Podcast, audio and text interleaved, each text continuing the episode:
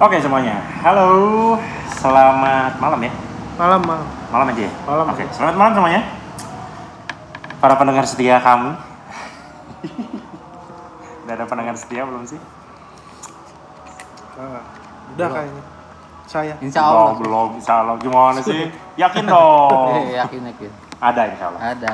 Oke, para pendengar setia, Yuk. berkumpul lagi bersama kita.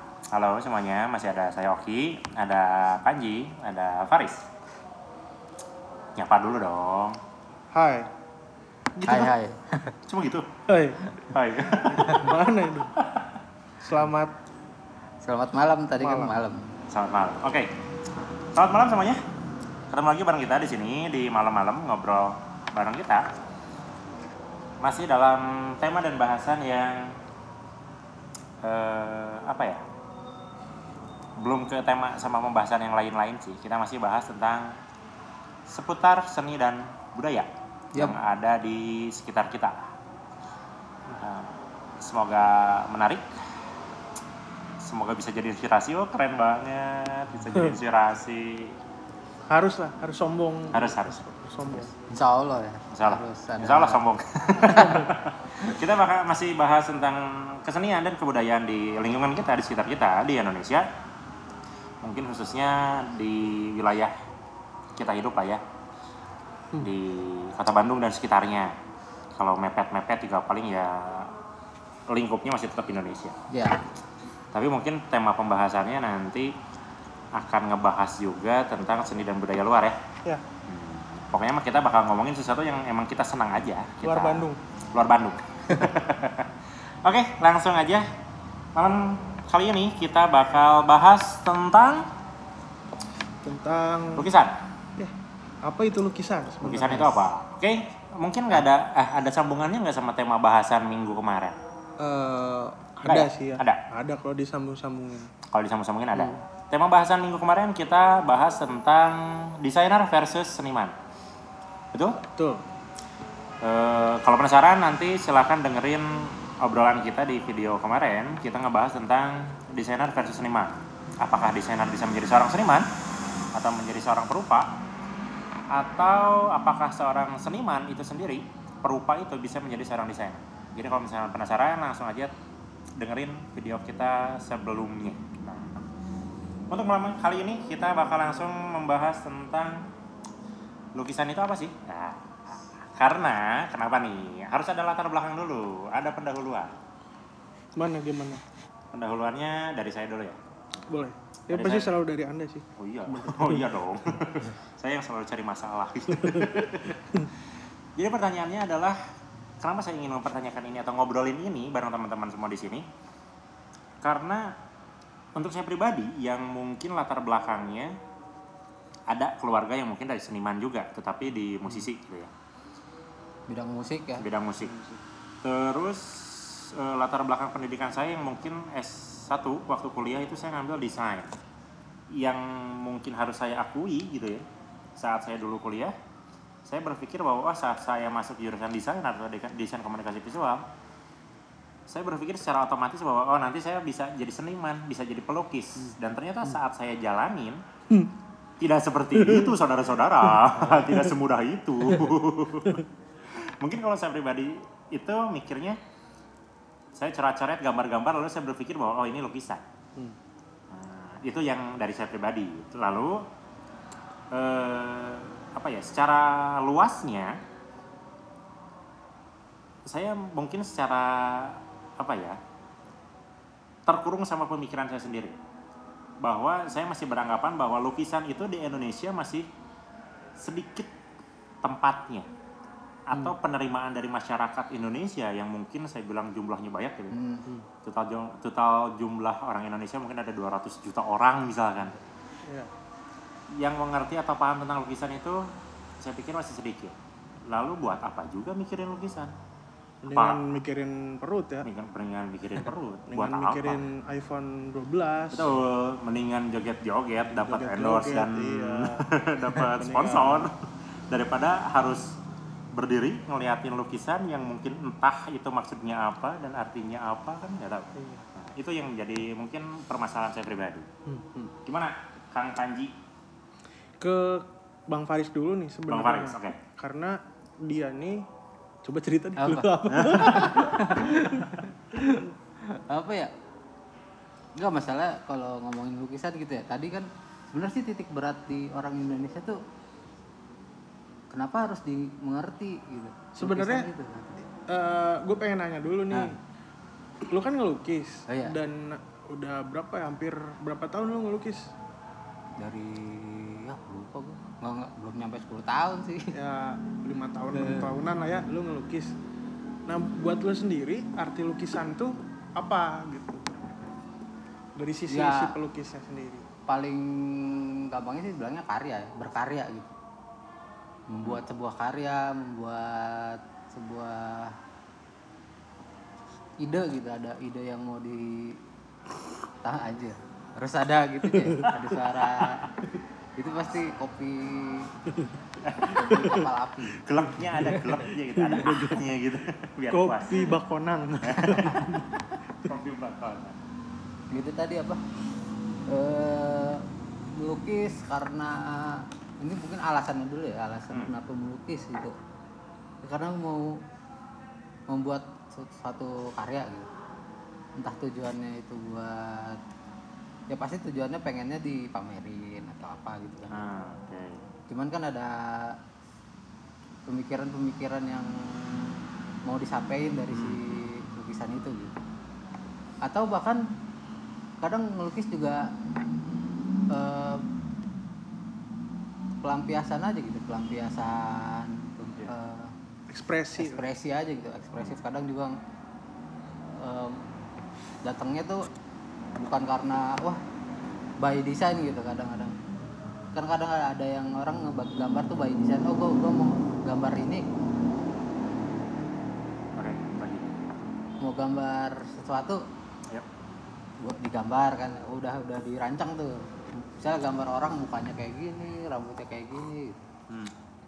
Nah, kadang kan juga ada yang spontan aja gitu atau pengen nyoret-nyoret oh udah warna ngasih warna segala macam.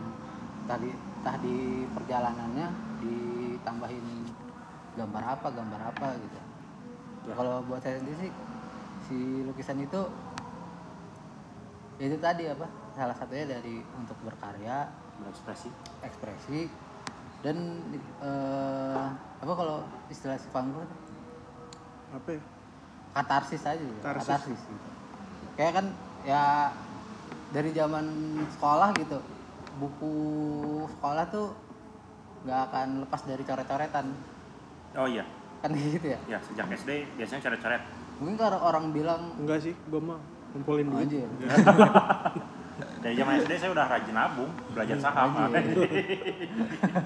Yang lagi tren sekarang anak muda seneng saham, pengen kaya mendadak.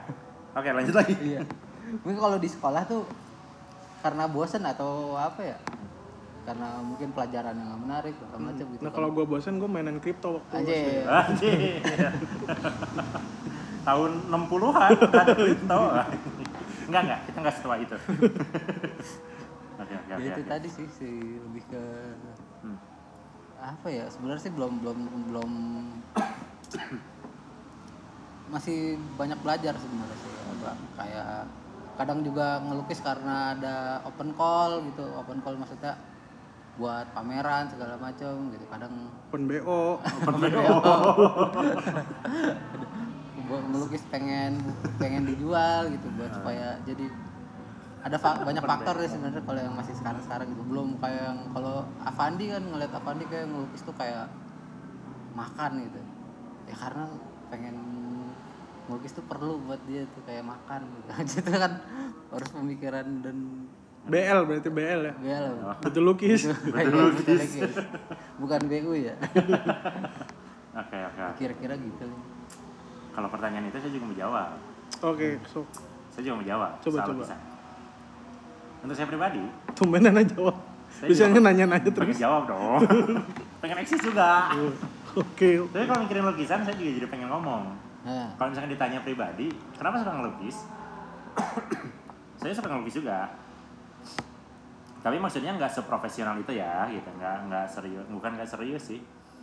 Tapi salah satunya tadi saya setuju dengan ekspresi, Hmm, ekspresi. ekspresi. Dan titik eh, titik jenuhnya adalah saat saya mempelajari desain gitu. Untuk saya pribadi gitu. Saat saya mempelajari desain gitu ya, 4 tahun kuliah di desain di dikelilingin sama teman-teman yang orang-orang desain banget. ah, selalu terukur, selalu apa ya bisa dibilang rapi segala macam gitu. Nah untuk saat saat itu saya pribadi berpikir bahwa lama-lama capek. Saya bikin desain, bikin ilustrasi gitu ya, bikin karakter harus presisi lah, warna harus segala macam ya, perhitungan teoretikal warna, hitung-hitungan lah ya hitung-hitungan lah ya gitu. Bentar. Sorry sorry, karena kita punya studio spesial di sini. nah lanjut lagi. Karena mungkin ngerasa bosan di situ, selalu selalu terukur, selalu ah, pokoknya intinya kaku saya bilang di desain itu karena memang sesuai pesanan ya, sesuai tujuan klien dan lain Hmm. sebagainya. Akhirnya saya mencari sebuah momen di mana saya pengen benar-benar bisa berekspresi tadi. Jadi saat saya dipertemukan, wah, istilahnya, awal-awal mainnya di kertas. Ada mang nasi goreng yang lapar bisa pesan dulu ya. dipertemukan dengan media-media yang mungkin saya bilang itu cukup mudah didapatkan dan murah. Saya ketemu kertas, saya ketemu cat poster, cat air, tinta Cina gitu ya. Di situ saya bisa bebas berekspresi intinya itu. Saya nggak terikat dengan harus bentuk yang baik, bentuk yang bagus gitu. Saya bisa berekspresi sesuai apa yang saya pengen. Saya bisa ngewarnain atau apa ya? Memulas. Memulas itu apa sih bahasa keren? Memulas tuh eh kalau podcast ini boleh kentut nggak sih? Boleh. boleh Nggak ada aturan. Siapa yang bisa ngelarang kita? Oh. asal jangan bau Only God can judge me. Oh. aja Apa Atau- yang memulas ya? Memulai saat kita mulai bermain dengan Stroke, stroke, stroke. eh, den- ya, sa- pokoknya saat saya Puas. Ya, Menguas. pas saya pegang kuas saya lalu saya tempelin itu kuas di kertas apa di kanvas saya udah nggak mikirin saya harus bikin sesuatu yang bagus tetapi saya mikirin sesuatu apa yang saya pengen keluarin di situ Hmm. jadi benar-benar ya kalau misalkan dibilang kasarnya gini deh saya bosan dengan sesuatu yang bagus intinya itu sih Apa tuh? Gimana? yang bagus itu tertata. maksudnya tertata saya bosan dengan sesuatu yang mungkin saat saya bikin ilustrasi bikin logo yang semuanya harus presisi baik bagus rapih secara fungsi sudah bisa diaplikasikan gitu ya dapat dicerna oleh eh, masyarakat atau klien. Di situ saya mencari pelampiasan. Akhirnya saya coret-coret gitu ya. Mainan saya dulu banyaknya sama krayon. Saya sangat cocok banget sama krayon karena krayon minyak gitu ya karena saya senang nimpa warna. Hmm. wah itu ada ada semacam apa ya orgasme. Asik. Wah orgasme. jos gitu. Dan saya menikmati di situ. Dan yang paling penting adalah saat saya udah puas di situ nggak ada tuh yang bisa ngelarang-larang saya ya intinya Ya, itu Oke. ini ini kan tadi eh, Kang Oki itu kan eh, lebih ke medianya kan masih yang kertas gitu ya gitu ya. Hmm, hmm. itu kalau gua sendiri sih ketika buat lukisan atau apa kadang juga di Photoshop gua bikin gitu oh iya iya iya iya udah apa iya iya betul si eh, medianya tuh udah udah oh, oke oh udah masuk digital berarti nah itu udah nggak mengkotak udah mau nggak mau ngotak-kotakan gitu dulu mah kan Oh. pengennya kan harus di kanvas gitu set kayaknya enak loh kalau nulis tapi paling enak tuh emang di nulis di kanvas gitu daripada di digital Eh, gitu. tapi feel-nya beda Eh, feel feel-nya beda beda di feel aja sih sebenarnya kan gitu ya Nah, sama kayak kayak saya pribadi gitu. Karena saya udah biasa sama Photoshop dan Illustrator dengan Corel gini. Seolah-olah untuk saya pribadi itu ada yang kurang. iya Pressure-nya, terus tekstural itunya di medianya tuh bau cat oh gitu kan ya. baunya itu itu masuk. Ya, cuman kan eh, ma- mas masih pengen kan eh, eh, mengakui bahwa itu kalau yang Kerjaan digital- gua ngasih feel ini nanya aja ya. ntar lu Ji. Nah, Anda Anda memang bidangnya. anda memang Nggak, maksud- bidangnya. Maksudnya setelah karya walaupun di di- digital gitu ya atau di Photoshop atau di mana pun Oh. Ketika udah jadi masih mau kan bilang kalau ini lukisan. Iya mas mau. Maksudnya udah udah apa nggak nggak strict di apa di dan bangga gitu oh gua gua ngelukis walaupun di digital gitu Iya. mengakui bahwa gue tuh ngelukis gitu tapi oke. kan ada eh, ada yang masih terkotak gitu yang wah harus di nah, iya nanti kan pembahasan lebih panjangnya sama om yang satu lagi nih iya apakah dengan media digital itu masih tetap dianggap itu sebagai originalitas pelukis dengan media yang bisa dibilang elektronik atau digital, media yang modern, atau hanya sekedar apa itu lukisan? Apakah harus selalu dengan media apa ya saya sebutnya konvensional bukan? Oh ya, konvensional. Konvensional dengan kanvas, kain, itu itu dulu apa? Kenapa lo melukis dulu gitu ya? Kayak misalnya tadi. ya udah berarti kan pembahasan kita selesai. Tinggal dengerin. Kira-kira lukisan itu apa? Sepenting apa sih lukisan ini di masyarakat Indonesia? Sebenarnya ketika kita ngomongin subjek ini anjir subjek kan ngeri. Judul ini yang topik-topik yang kita bahas eh apa itu lukisan sebenarnya bukan maksud kita ngajarin atau apa ya eh ngeliahin atau jadi ngasih definisi-definisi tertentu. Tapi justru mungkin topik ini tuh yang mungkin selama ini yang jadi pertanyaan kita juga gitu. Pertanyaan gua pertanyaan Kang Oki pertanyaannya Bang Faris gitu.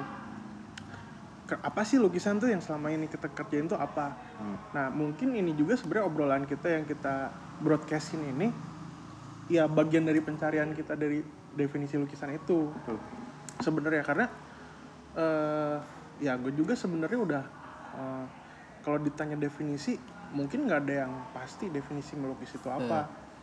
Yang dibilang eh, bang Faris tentang lukisan bener nggak? Bener.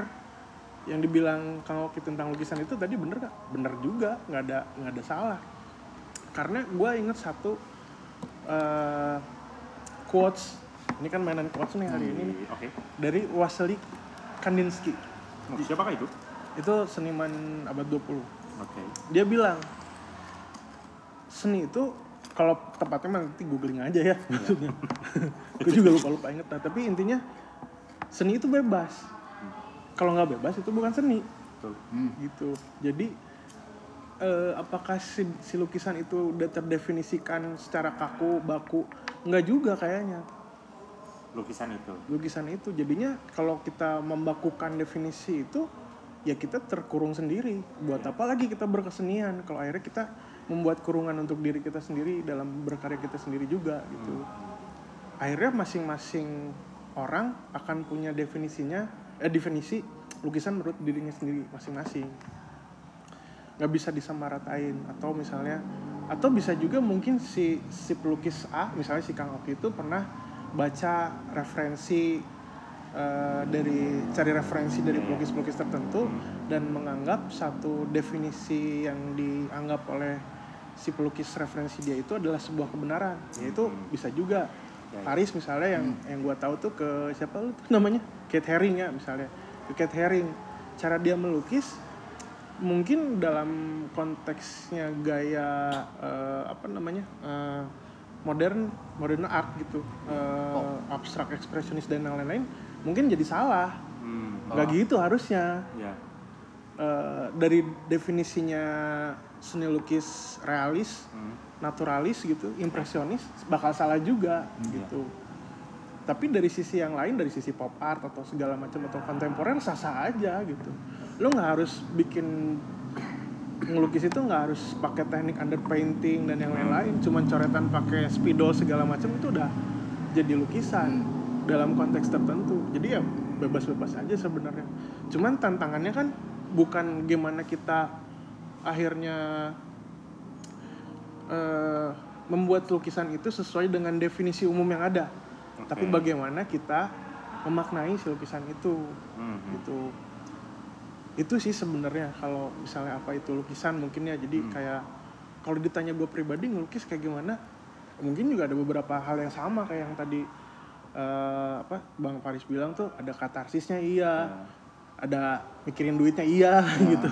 Ada ada ada terbuai gitu kayak Kang Oki terbuai di apa eh, material gitu di bau bau cat di tekstur kanvas di gestur. Iya. Itu ada gitu Eh, kenikmatan-kenikmatan itu ada orgasme-orgasme itu ada juga termasuk mungkin yang hari ini lagi lagi intens gue kerjain itu adalah digital painting Iya, iya, iya.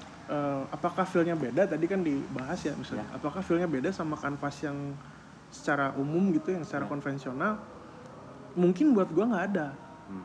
nggak ada bedanya jadi mungkin gua akan kehilangan itu kehilangan apa sensasi bau kanvas Hmm. kotor Ya. cat ke mana-mana rapih lah gitu ya di tablet atau di Hmm. pen tablet ngelukisnya akan kehilangan sensasi itu tapi gue mendapatkan sensasi baru di dunia Ya. digital itu di media Hmm. digital itu mungkin yang yang apa ya eh, yang yang gue rasain tentang lukisan itu tentang proses melukis ya di berbagai media terutama sekarang media digital tuh adalah bagaimana lu tuh menuangkan gagasan-gagasan lu gitu, kenikmatan ke situ. Eh, jadinya mungkin buat gua tuh kayak melukis tuh sudah sudah gue bukan bukan udah udah pada tahap itu tapi jadi kayak semacam lagi mencoba untuk keluar dari material-material lukis gitu. Hmm. konvensi-konvensi lukis. Gue pengen memaknai apa lukis itu sendiri. Bisa nggak diri gue itu sebagai eh, apa ya kalau dibilang perupa atau pelukis tuh tidak hanya menghadapi kanvas dan cat. Kalau gue menghadapi tubuh manusia bisa nggak gue anggap itu sebagai media lukis gue menghadapi mobil motor tembok besar. Hmm. nah Ya, mungkin menarik eh, itu gue lagi berproses mencari ke arah situ body sebenarnya. painting menarik. body painting Eh, coba hanya gitu You know what I mean? admin lah ya gitu. Iya. Hmm. Eh, DM coba belum, belum, belum waktunya, belum waktunya. belum ya.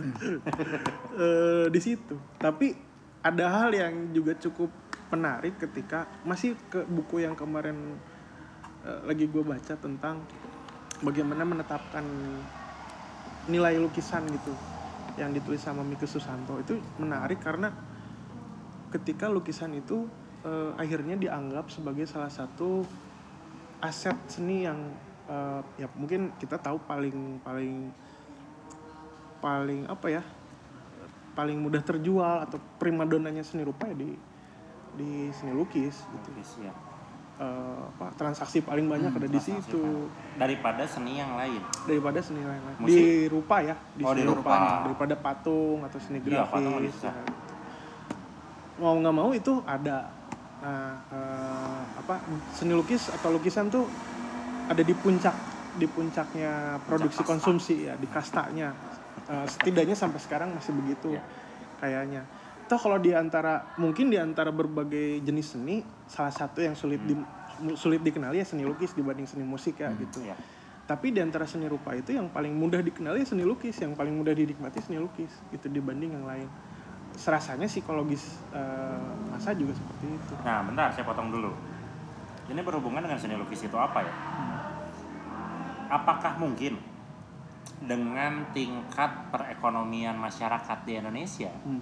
Yang saya bilang inilah, eh, teman-teman jangan lihat sosial media.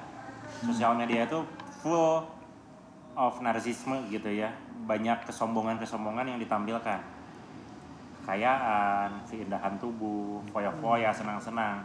Saya nggak ngomongin itu, tapi kita ngomongin masyarakat Indonesia yang mungkin kita, eh, saya pribadi gitu ya, bilang bahwa apakah seni lukis ini bisa dinikmati sama orang-orang yang mungkin, mohon maaf saya bilang golongannya menengah ke bawah. Hmm. Karena gini, orang akan cenderung melihat lukisan ini hanya sekedar oh ini gambar orang nih, oh ini gambar bangunan nih. Selesai. Maknanya apa untuk mereka gitu. Bagaimana sisi sisi untuk menikmati lukisan itu itu harusnya seperti apa? sebenarnya ada satu kalau teorinya sih lupa sih ya. Cuman ada satu eh, pandangan lah sebenarnya bahwa seluruh manusia di mana pun di muka bumi dari mulai dari eh, mungkin ya mungkin dari Nabi Adam atau misalnya dari awal peradaban sampai hari ini tuh memiliki arketip yang sama. Arketip tuh insting purba gitu. Insting yang paling purba dari Contohnya, manusia. contohnya apa? Contohnya sebenarnya dari dulu sampai sekarang kita mengenal cinta kan Oh, ya oke. secara umum kita laki-laki kan akan mencari kasih sayang dari Ah. wanita Ah, ya gue nggak tahu kalau jenis. lu berdua kan Nah, gitu. Jadi gue di mana pun akan mencari kasih sayang wanita baik yang sifatnya resmi maupun tidak resmi Oke. ya kan ada yang nggak resmi misalnya pertemanan kan tidak resmi gitu. Ah. itu mencari kasih sayang itu kan arketip manusia membutuhkan kasih sayang itu arketip Betul. ya kan Betul, dari lahir kita bayi pasti mencari kasih sayang kita menikmati kasih sayang Secara insting itu secara udah insting ketika kita disakiti kita merasa sakit insting juga kan Iya. nah salah satu dari arketip arketip manusia itu adalah bisa menikmati keindahan Hmm. Oke. keindahan kalau kita asosiasikan sama teori-teori seni ya hubungannya pasti dengan artistik dan estetika dengan artistik dan estetik ya keindahan diasosiasikan tapi bukan didefinisikan ya bukan sama dengan artistik dan estetika keindahan pasti diasosiasikan atau dihubungkan dengan estetik dan artistik gitu nah artistik dan estetika itu adalah DNA-nya atau kromosomnya dari seni Hmm. Di sini. ya kan Iya. nah seni lukis Hmm. adalah bagian dari seni Oke. otomatis bagaimanapun seni lukis itu dihadirkan, diciptakan, pasti ada pertimbangan-pertimbangan estetik dan artistik dari si pelukisnya. Hmm. Nah, yang jadi pertanyaan, bisa nggak pertimbangan artistik dan estetika kita itu ketika membuat lukisan bisa memancing arketip arketip dari para penikmat lukisan kita Ya. untuk melihat keindahan yang kita tawarkan gitu. Nah, oke. Jadi akhirnya apakah bisa dinikmati oleh masyarakat menengah ke bawah? Sangat bisa karena tuh mereka juga sama dengan siapa pun. Kita kan masyarakat menengah ke bawah nih, ya. gitu meskipun saya punya aset kripto yang lumayan banyak gitu, tapi saya selalu menganggap diri saya masyarakat menengah ke bawah. Sama aja kan manusia-manusia juga sebenarnya Ya, masuk elit, menengah dan menengah ke bawah juga sama manusia-manusia juga punya mempunyai arketip yang sama. Jadi artinya sangat bisa dinikmati. Tetapi bisa nggak yang jadi tantangan itu bukan bagaimana eh, eh, masyarakat bisa menikmati, bisa nggak si pelukisnya membawa si masyarakat itu untuk menikmati Oke. Oke, oke. oke. gitu. Hmm. Diem aja lu, gabut tuh. Ya Nggak lagi berarti mikir. masyarakat sangat bisa sekali menikmati lukisan. Iya. Tetapi kan Betul. momennya jarang. Momennya, Kita ngomongin Gimana lukisan di Indonesia. ya. Orang-orang mau lihat lukisan di mana? Galeri. Betul? Nah, ini jangan dulu sampai sana. Nah, Ketika tahun setelah kemerdekaan Iya. Indonesia sampai misalnya mungkin tahun 60 70-an eh, galeri seni itu salah satu yang terbesar mungkin kita tahu di mana di pasar seni Ancol. nah, nah, nah. Yang sebenarnya itu kan masyarakat menengah ke bawah di situ. ya. Dan para pelukis kita, bapak-bapak kita itu Sujoyono. Avandi, Hendra Gunawan itu kan lahirnya di menengah ke bawah juga. L. Brookman. Anjir. Bukan itu bukan. Anda ini ya. Enggak enggak skip skip. Jadi eh, pada pada waktu itu lukisan itu kan ada di, di setiap level masyarakat. Hmm. Kalau kita ngomong sekarang kebun binatang Bandung, dia kan tempat park di itunya ada galeri-galeri lukisan tuh. Ya. Di Bali di Pasar Sukawati, di Jogja, di Braga misalnya.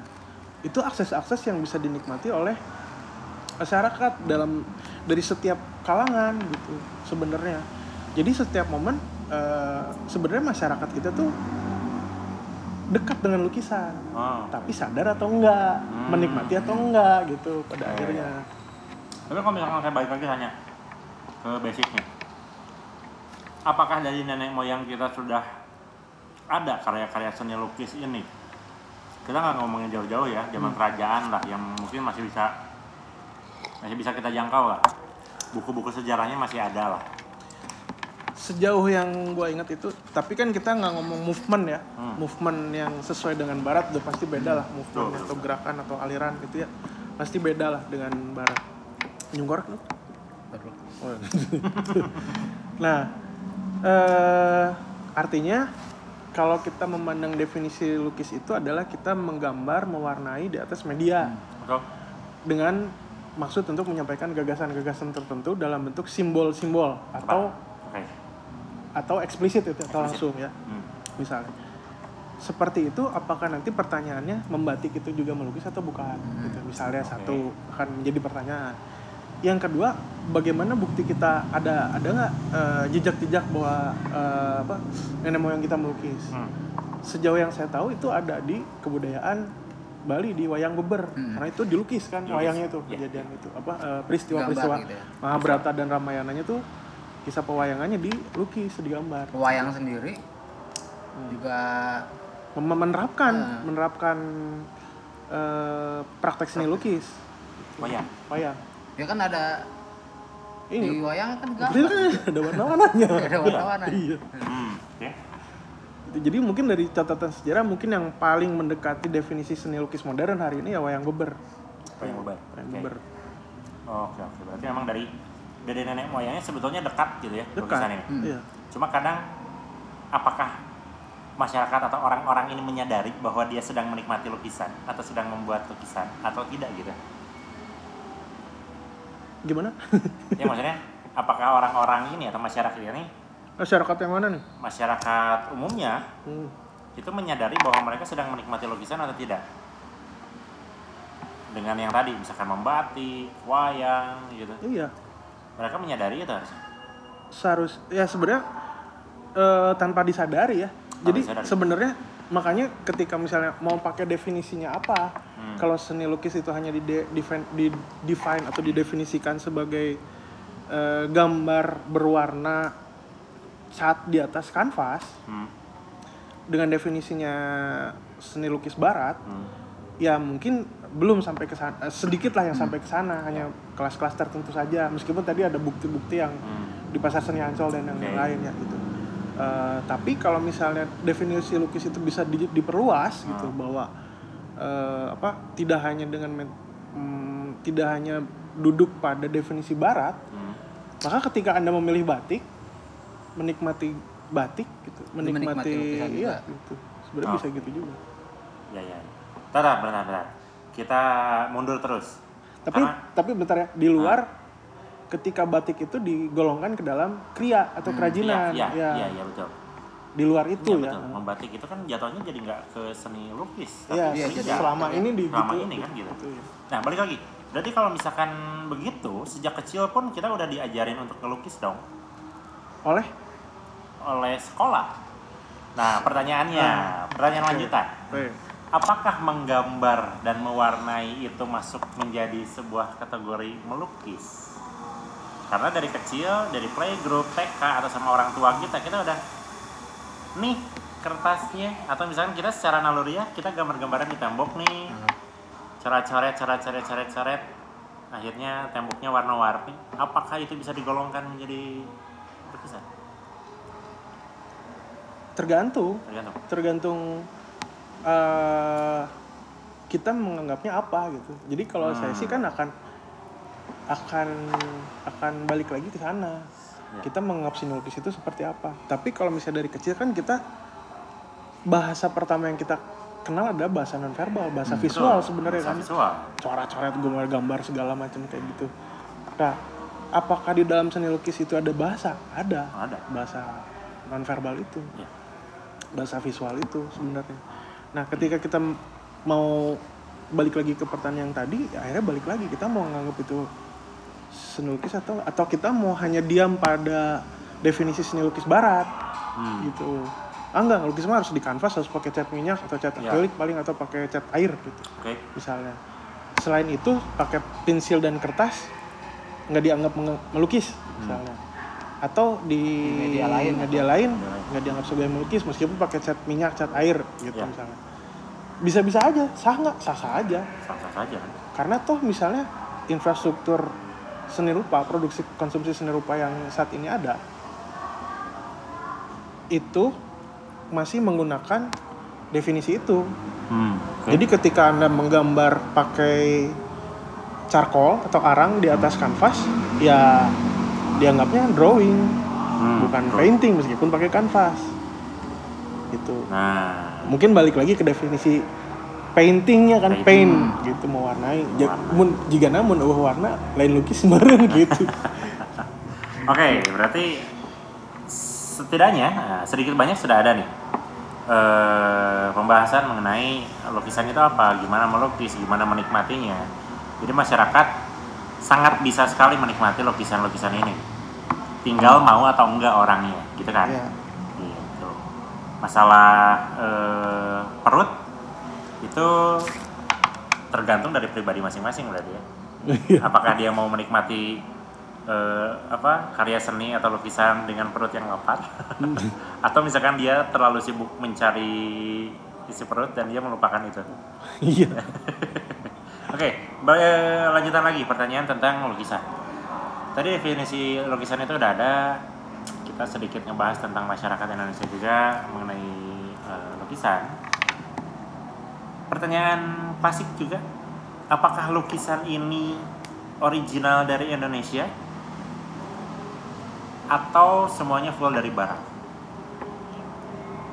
Kalau berdasarkan definisi yang tadi, yang ya kita mau ngikut ke mana gitu sebenarnya. oke.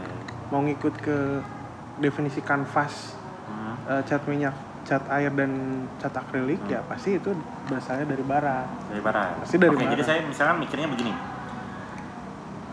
Lukisan itu udah sangat eh, familiar banget lah untuk orang-orang di barat sana gitu ya. Di Eropa di Amerika Amerika ya? Amerika. Amerika di Eropa itu udah sangat familiar lah. Masyarakat di sana sudah terbiasa dengan itu menikmati lukisan membuat lukisan. Konsumsi yang jadi konsumsi lah di sana gitu. Nah di Indonesia sendiri apakah eh, ya itu acuannya apakah selalu ke barat atau ada original kita? Misalnya kita ngomongin pelukis-pelukis Indonesia maestro-maestro di Indonesia.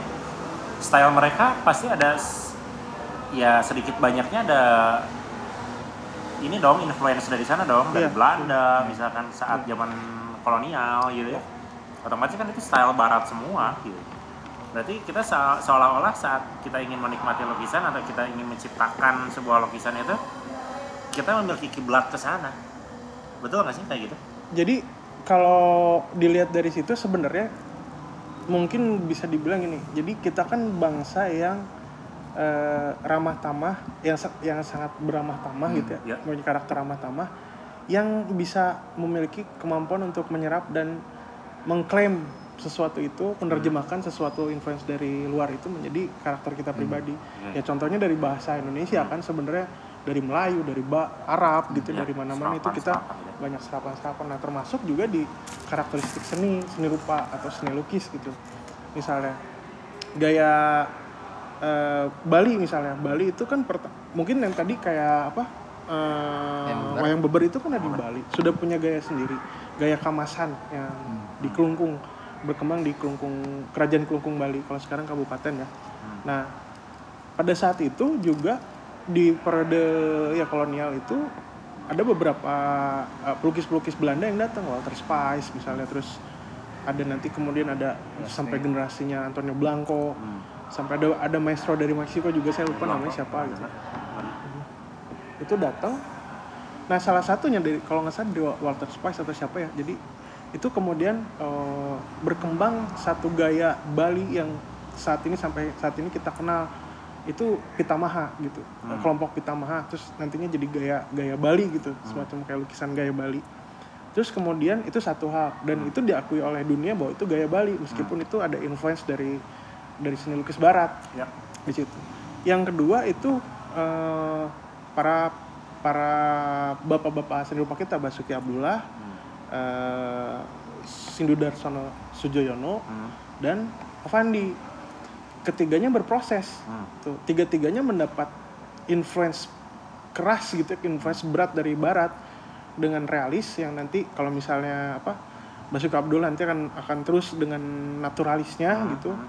Sampai yang kita kenal seindah itu gitu ya, Ya. sehidup itu yang akhirnya diklaim oleh dunia juga sebagai gayanya Basuki Abdullah meskipun ada influence naturalis di tingkatan berikutnya ada Sujoyono yang kemudian mm, bisa menerjemahkan bagaimana ekspresionisme itu menjadi salah satu eh, gaya lukis pada zaman itu ya pada zaman perjuangan sampai dia bisa mengeluarkan statement bahwa berkarya melukis atau apa pun itu harus memiliki jiwa yang tampak gitu. Nah, jiwa iya. ketok gitu ya. Jiwa ketang jiwa yang tampak. Itu berkembang lah Sujoyono itu dengan gaya-gayanya dia sendiri yang akhirnya juga di- dipandang oleh dunia sebagai gayanya eh, Sujoyono. Sujoyono. Ekspresionis Indonesia gitu misalnya. Tadi Eh, belum ini ke Avandi dulu ya. Oh, Avandi dulu. Bentar, dikit. Avandi juga sama mendapatkan pendidikan yang sama. Realis naturalis. Hmm. Ada proses yang dia jalani sampai akhirnya dia sampai ke abstrak ekspresionisme itu yang dikenal. Diakui sebagai grand maestro di Itali. Diakui sebagai gaya dia sendiri yang pelokot itu ya pakai apa tanpa kuas ya eh, gitu langsung. Iya, itu senang tuh. Nah itu kan itu gaya dia sendiri kan yang mungkin diterusin sama anak-anaknya Kartika Avandi dan yang lain-lain. Eh, penerjemahan itu. Jadi ketika ngelihat Avandi apakah kita ngelihat impresionisnya Van Gogh?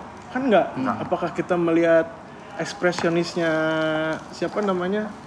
Eh sorry ekspresionisnya Van Gogh impresionisnya eh lupa. Monet. Monet gitu misalnya. Enggak kita ngelihat Avandi gitu. Mereka mereka bisa bisa menerjemahkan. Itu di situ. Nah ke Raden Saleh Raden Saleh tuh punya punya influence yang besar juga di romantisisme. Hmm, hmm. Eh, tapi mungkin secara teknik atau visualnya masih bisa terlihat apa namanya gaya-gaya baratnya Hmm. tapi dari subjek dari pikiran dari gagasan yang dimiliki Raden Saleh itu kan sangat kelokalan gitu Ya, ya, ya. Nah itu mungkin bentuk-bentuk cara bagaimana seniman-seniman Indonesia para pendahulu kita tuh menerjemahkan sesuatu yang dari luar menjadi bahasa kita sendiri gitu, Oke. bahasa mereka sendiri gitu. Oh, oke, oke. Menarik pembahasannya makin lama. Berapa menit? Udah berapa nih ya? Itu sama cut dua. Oh, udah 42. Hmm. Nggak kerasa udah 42 menit kita ngebahas tentang lukisan. Dan mungkin masih banyak banget yang sebetulnya harus kita obrolin tentang lukisan ini. Tapi kita sedikit membatasi waktunya. Biar nanti ada part berikutnya dong. Nah, tapi intinya gini, balik lagi pertanyaan berikutnya nih. Lanjut aja tanggung. Masih ada penasaran dong. Nah, eh apa ya? Se apa ya? Saya bilang sesulit apa masyarakat umum saat dia ingin melukis, lalu dia ingin eksis dan dikenal, itu tahapannya kayak gimana? Susah lah, gak Susah ya? tahu. Ya maksudnya Hmm. untuk dikenal ya. Nah kalau untuk dikenal mah nggak ada yang bisa jamin lah gitu. Maksudnya kayak eh, itu juga yang diperjuangkan oleh para seniman-seniman hari ini kan, per- Hmm. perupa-perupa dan pelukis-pelukis hari ini.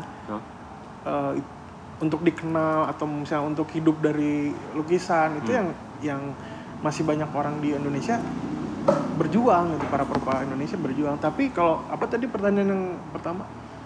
Sesulit apa tadi? Sesulit apa kalau misalnya kita pengen ngelukis gitu. Ah, nggak sulit sebenarnya. Kalau untuk ngelukis sih ya tinggal anda beli kanvas kertas atau apa pun media gambar media lukis lukis lah balik lagi ke kepuasan pribadi berarti kan? iya balik lagi sih Anda pengen jadi pelukis ya udah ngelukis aja nggak usah banyak mikir gitu kan? iya kalau mau terkenal ya kayak kita sekarang bikin podcast gitu. Ya gitu. Jadi teman-teman semua, para pendengar, intinya adalah ngelukis itu apa ya? Gambaran jiwa menurutnya. Iya boleh, boleh bisa sih. bisa Bisa kan? Kita pengen mengekspresikan apa yang mungkin kita rasa, kita pikirkan, ada kegundahan kita, lalu kita ekspresikan dalam sebuah media berupa visual tadi ya. Hmm. eh jadi maksudnya nggak usah banyak neko-neko. Kalau mau ngelukis udah ngelukis aja. Iya, nggak usah mikirin apa pun lah. nggak usah mikirin apa pun. Nggak usah jadi berpikiran bahwa oh saya pengen terkenal terus pengen ngelukis. Oh saya pengen banyak duit jadi pelukis. Kayaknya enggak ya Eh, ya kayaknya enggak, enggak kan? Enggak. nah pertanyaan pamungkas saya terakhir sebelum kita tutup sesi ini. Saya pengen nanyain saat kita ngomongin pelukis-pelukis maestro tadi lah kita ngomong- ngomongin pelukis-pelukis maestro atau misalkan pelukis-pelukis yang ada sekarang. Yang mungkin saya bilang mereka lahir dari akademisi. Betul? Hmm, nggak juga. bukan eh iya sih bukan juga tapi gini Para pendahulu kan? para pendahulu ini kan Bukan mereka akademisi. awalnya bukan dari akademisi Bukan, ya. tetapi mereka besar Ya. karena karya-karyanya Ya. nah otomatis para maestro ini memiliki rasa Ya. ada aura yang ditampilkan dalam lukisan-lukisannya. Lalu gimana ceritanya sama pelukis-pelukis pesanan? Karena saya pernah lihat di channel tetangga Hmm. Membandingkan dua orang pelukis, yang satu ya bisa dibilang ya di satu sisi dia akademisi, gitu ya, Akademisi. tetapi dia menjadi maestro dalam Hmm. lukisan juga. Tetapi narasumber yang lainnya adalah dia hanya sekedar pelukis saja, wilayahnya nggak usah kita sebutin. Hmm. Tapi saat ada pertanyaan-pertanyaan ini atau misalkan disuruh mendefinisikan karyanya, otomatis dong kalau misalkan yang akademisi tahu, oh ini maksudnya gini, ini rasanya begini, walaupun secara secara visual tidak seindah sama pelukis yang pesanan. Tetapi peluk eh, yang pelukis yang pesanan ini dia tidak mengetahui artinya, tetapi dia tahu cara membuat lukisan atau gambar yang bagus. Gitu. Nah pertanyaannya adalah gimana kalau kayak gitu?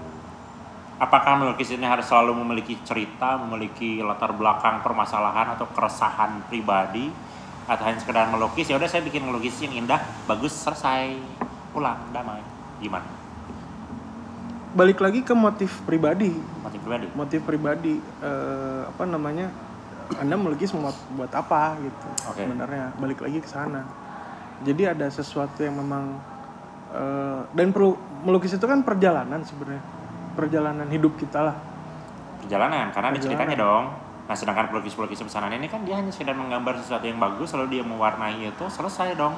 Ya. Berarti dia tidak punya rasa di situ, tidak, tidak ada apa, tidak ada cerita di situ. Nah, jadi begini maksudnya eh, eh, perjalanan tuh kayak gini. Ada perjalanan seorang pelukis yang dia menggali substansi, Oke. dia menggali rasa, Ya. menggali gagasan, Hmm. menggali konsep.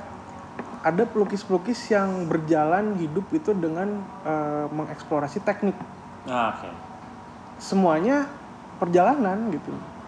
Artinya ketika hari ini kita melukis, ketika kita mengeksplorasi teknik, 10 tahun ke depan teknik kita matang dong, Oke. matang kan. Secara teknik matang, teknis matang banget kita menguasai material dan segala macam. Tapi apakah rasanya di ada di situ? Nah, itu yang mungkin eh, jadi pertanyaan. Ketika perjalanan kita mengeksplorasi teknik itu, apakah rasa itu kita korbankan atau tidak? Ah, Gitu. Ketika membuat lukisan itu. Di satu sisi, eh, para pelukis yang mungkin mengeksplorasi rasa, konsep dan gagasan itu mungkin banyak ngelamun kayaknya banyak ngobrol Iya. bertapa semedi gitu tapi pasti ada yang dikorbankan Tuh.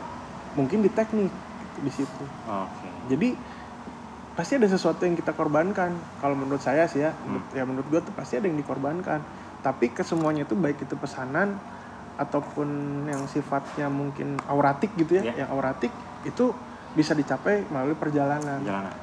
tidak mudah untuk menjadi pelukis pesanan Hmm. karena ketika anda sukses jadi pelukis pesanan tentu saja teknik anda bagus Betul. untuk mencapai teknik yang bagus membutuhkan waktu dan proses Iya.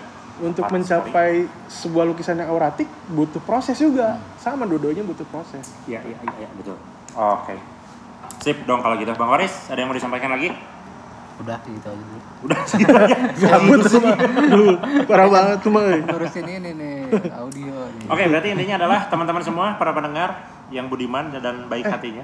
eh, Apalagi ada yang kurang? mau nambahin aja sesuatu kan tadi kita membahas tentang lukisan yang auratik nah Hah? nanti berarti auratik itu nggak akan lepas dari sesuatu hal yang mistik kan Oke. nah itu nanti kan kita bahas tentang Nah. mistisisme di dalam berkarya, Berkarya. berkesenian atau ber- melukis Oke, nanti lanjutan berikutnya ada mistisisme lukisan. Ya dengan Ya, berkarya. Dalam berkarya. Oke, jadi teman-teman semua, saya ingatkan kembali, apa pun golongan Anda, di mana pun kelas Anda, lukisan itu bisa Anda nikmati kapan pun dan di mana pun, tergantung kalian mau atau enggak. Terus kalau misalkan kalian kepikiran, wah kayaknya gue pengen ngelukis nih. Gak usah banyak mikir gak usah banyak referensi gak usah banyak apa pun ambil medianya ambil alatnya silahkan kalian ngelukis ekspresikan diri anda buatlah kalian bahagia di situ senang di situ. Nanti kita bakal bikin gerakan Indonesia melukis. Amin amin Amin, amin, kita mulai amin, dari kota Bandung dulu. Amin, amin. kita bakal ngelukis bareng di sana. Mau maestro mau newbie semuanya kita bakal ngelukis bareng. Nanti kita ramaikan kota Bandung dengan melukis bersama kami. Ngeri ngeri ngeri. Jadi intinya itu jangan banyak pikir lakukan apa yang kalian suka lakukan apa yang kalian inginkan selama itu positif lakukan jangan lupa di like comment share subscribe amin silakan Eh, jangan ragu-ragu semoga bermanfaat apa yang kita share di sini Sampai ketemu di video berikutnya atau di podcast berikutnya bareng saya Oki, Panji dan Bang Faris. Sampai ketemu. Selamat malam. Assalamualaikum warahmatullahi wabarakatuh. Sampurasun. Bye bye. Bye.